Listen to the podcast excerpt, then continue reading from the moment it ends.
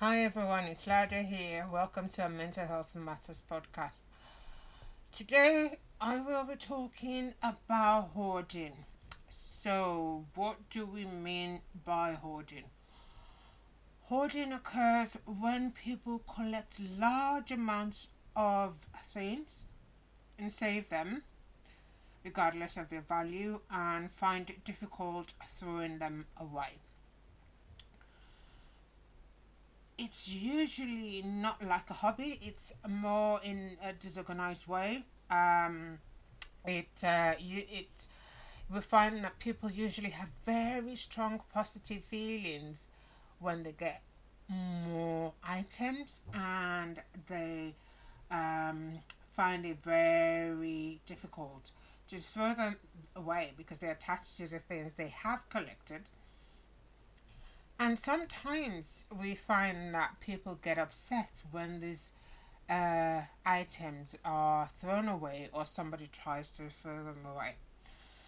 For some people, uh, it could be that they may be bothered. Um, but if you hoard, you often won't be bothered yourself. So if you hoard, you would often find that you very you find it very hard to decide what to keep or get rid of.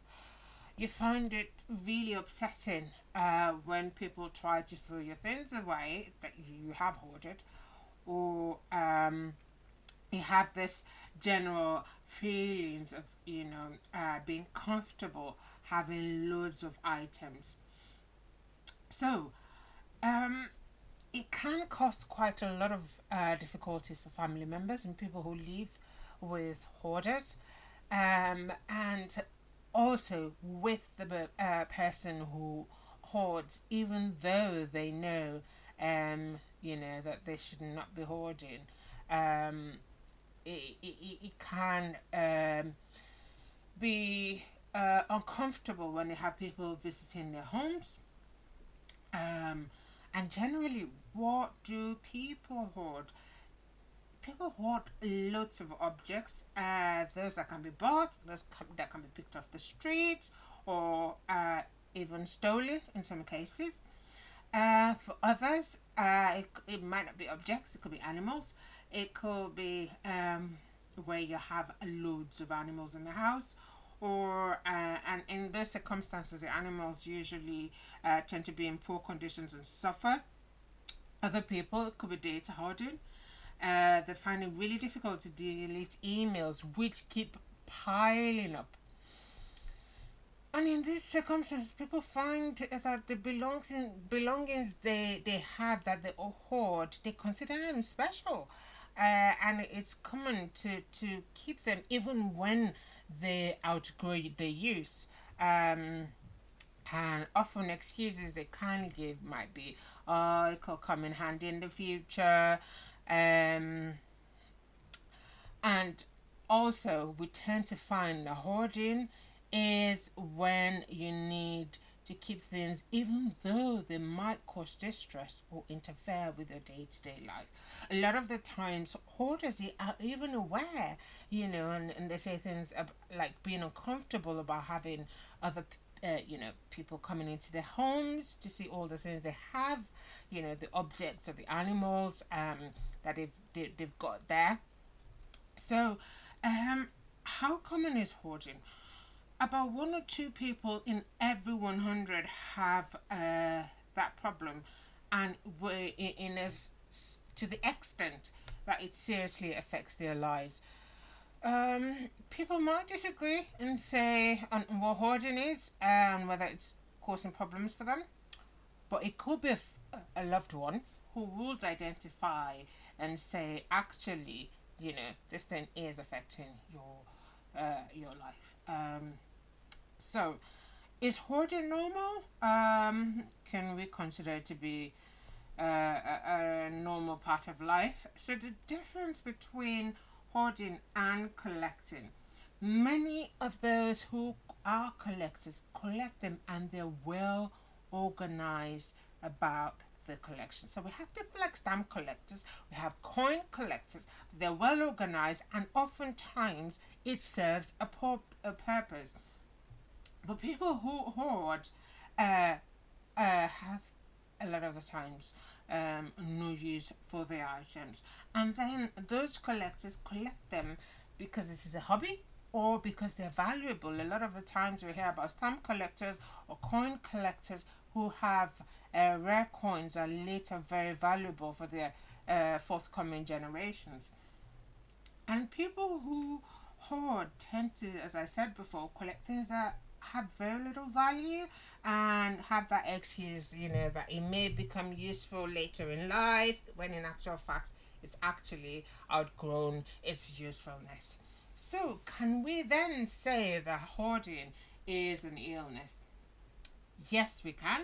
So, hoarding can be an illness in its own right. Known as hoarding disorder, um, it can also be part of another problem. So, what are the beliefs that about needing to keep things? Let's address those beliefs now. If you hoard, you might have strong feelings about keeping or saving things. For example, you might believe you need to keep things for the future. You want to cope with how you feel if you throw things away, and you you, you find it difficult to have you know part with them. You think throwing things away um, would you know have an adverse effect on you or the environment and you, you know you, you you find that those things that you've hoarded are not organized they're not you know perfectly kept kept and um those you know absolutely make the person happy even though they have uh, very little value so um people then often think yeah it's just that i need more space i need to i need more time to sort things out so, as I said, it can be a disorder on its own and it can be part of uh, other um, disorders. So, when we talk about other disorders, we talk about um, physical illnesses, um, we talk about dementia, we talk about it being a part of obsessive compulsive disorder. Um, also, this is something that's seen in uh, some people who have autism and related disorders where they have this obsessive interest and they have to collect and collect those items. Also, um, hoarding disorder. So, how do we diagnose or how do we come about hoarding disorder on its own? So hoarding disorder can be diagnosed when there is no other illness to account for that problem. If you recall just a few seconds ago, I talked about uh, hoarding being uh, part of uh, autism uh, and autism related disorders. It could be part of obsessive compulsive disorder. But when it occurs singly on its own and there's no other illness to account for it, we talk about it being hoarding disorder.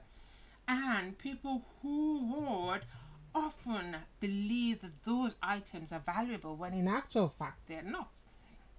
Um, and if we look through the childhood, if we if you remember the last episode, we talked about things that affect our mental health. We talk about things that happen in our childhood. So a lot of hoarders have had a deprived childhood. But this is not always the case. So the average age that hoarding disorder comes to the attention of services is about 50 years. By this time, it's usually well established and it's usually quite prominent. It's not something people that you know can get away with anymore.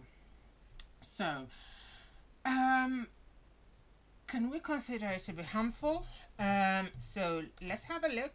So we have some instances where um, people hoard things that become uh, infested with, you know, things you don't want in the house, uh, like bugs and stuff. Also, they are fire risks.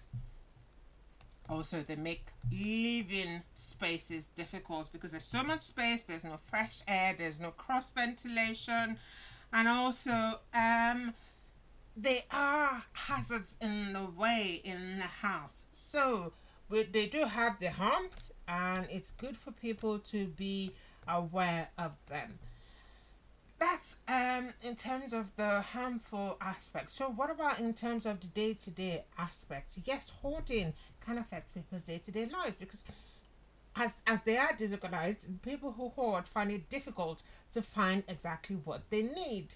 And also they don't recall that they already have some items and then they go out and buy some more. They find it hard to look after their physical health, they find it hard to cook because things are so disorganized in the house. So also what if there is an emergency, they find it difficult, you know, to get away quickly.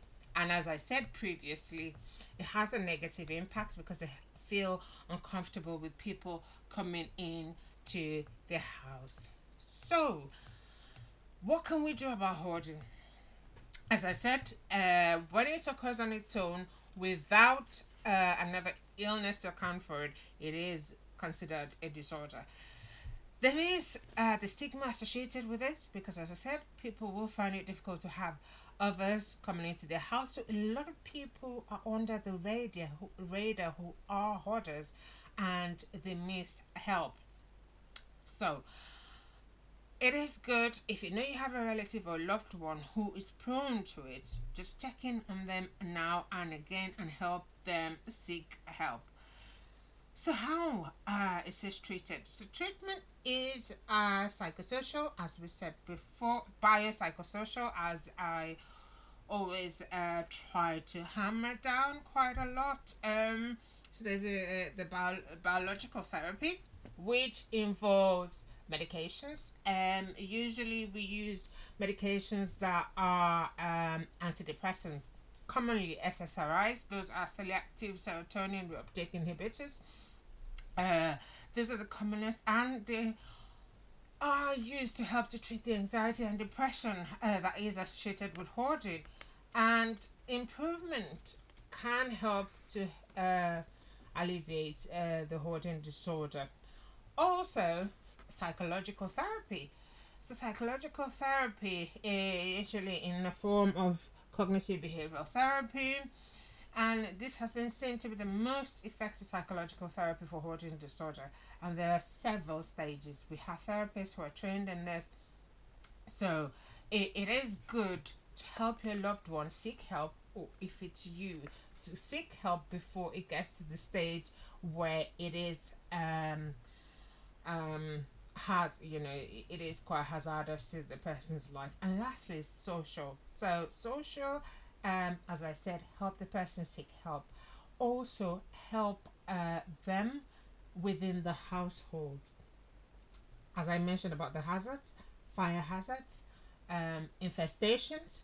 I mentioned about in an emergency, they won't have ways uh, to go around. So these are the little ways in, in terms of the social input that we can do or we can use to help our loved ones or friends who have um, you know the hoarding uh, disorder. And last, lastly, um, always, always help uh, them to seek help. Uh, as much as you can be there to help uh, make sure there's less hazards, there's less harm from the objects, always help them to seek uh, treatments in the lines that we have uh, talked about, and that's in looking for health professionals who can render the service or the medications or the psychological treatment. Thank you once again for listening. Um, remember, until next time, empower your mind, empower your life. Goodbye.